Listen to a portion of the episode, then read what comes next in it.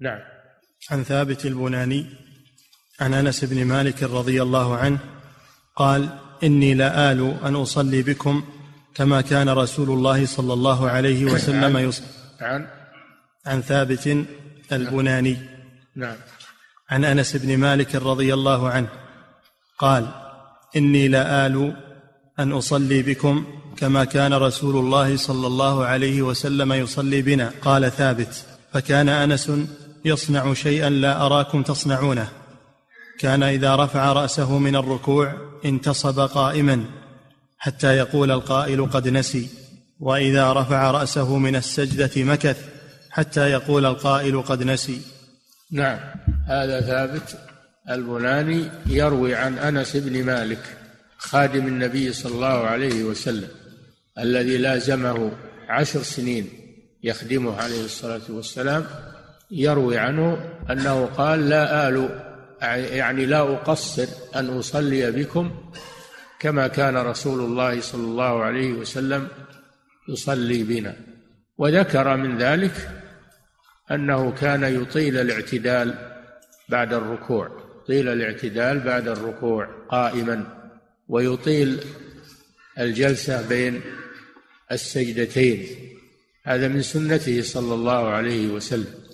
ولا يركع يسجد بعد الرفع من الركوع مباشرة. لا إذا سجد بعد الرفع من الركوع مباشرة ترك ركنا من أركان الصلاة وهو الاعتدال. وإذا سجد بعد السجدة الأولى مباشرة ترك ركنا وهو الجلسة بين السجدتين. فهذا فيه حرص الصحابة على الاقتداء بالرسول صلى الله عليه وسلم. وفيه تعليمهم للناس سنة الرسول صلى الله عليه وسلم. يعلمون الناس سنة الرسول صلى الله عليه وسلم. ويصلون بهم كما كان النبي صلى الله عليه وسلم يصلي وينبهونهم على ذلك. ما ينبهونهم يقولون لهم هذه صفة صلاة النبي صلى الله عليه وسلم وهذه أمانة تحملوها بلغوها للناس. هذا فيه العمل بسنة النبي صلى الله عليه وسلم في الصلاة. وأن تؤدى كما كان النبي صلى الله عليه وسلم يؤديها. وفيه تعليم السنة تعليم السنة للناس. فمن علم شيئا من سنة الرسول صلى الله عليه وسلم فإنه يبينه يبينه للناس ولا يقتصر على نفسه.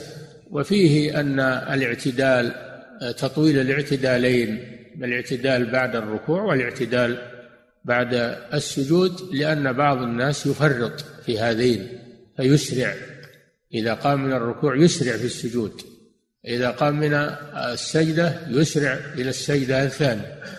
وهذا خلاف سنة الرسول صلى الله عليه وسلم.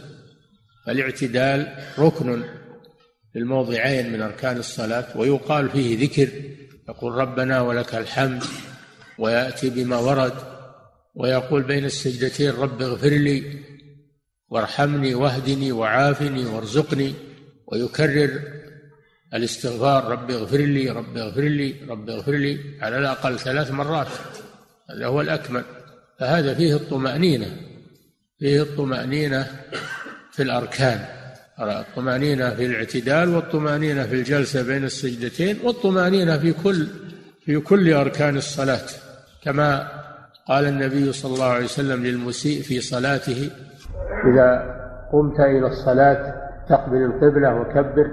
ثم اقرأ ما تيسر معك من القرآن ثم اركع حتى تطمئن راكع ثم ارفع حتى تعتدل قائما ثم اسجد حتى تطمئن ساجدا.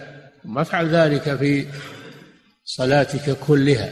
الطمأنينة ركن في كل فالطمأنينة ركن من أركان الصلاة في كل أفعال الصلاة في كل أفعال الصلاة ولا يطمئن في بعضها ويخفف في بعضها. نعم.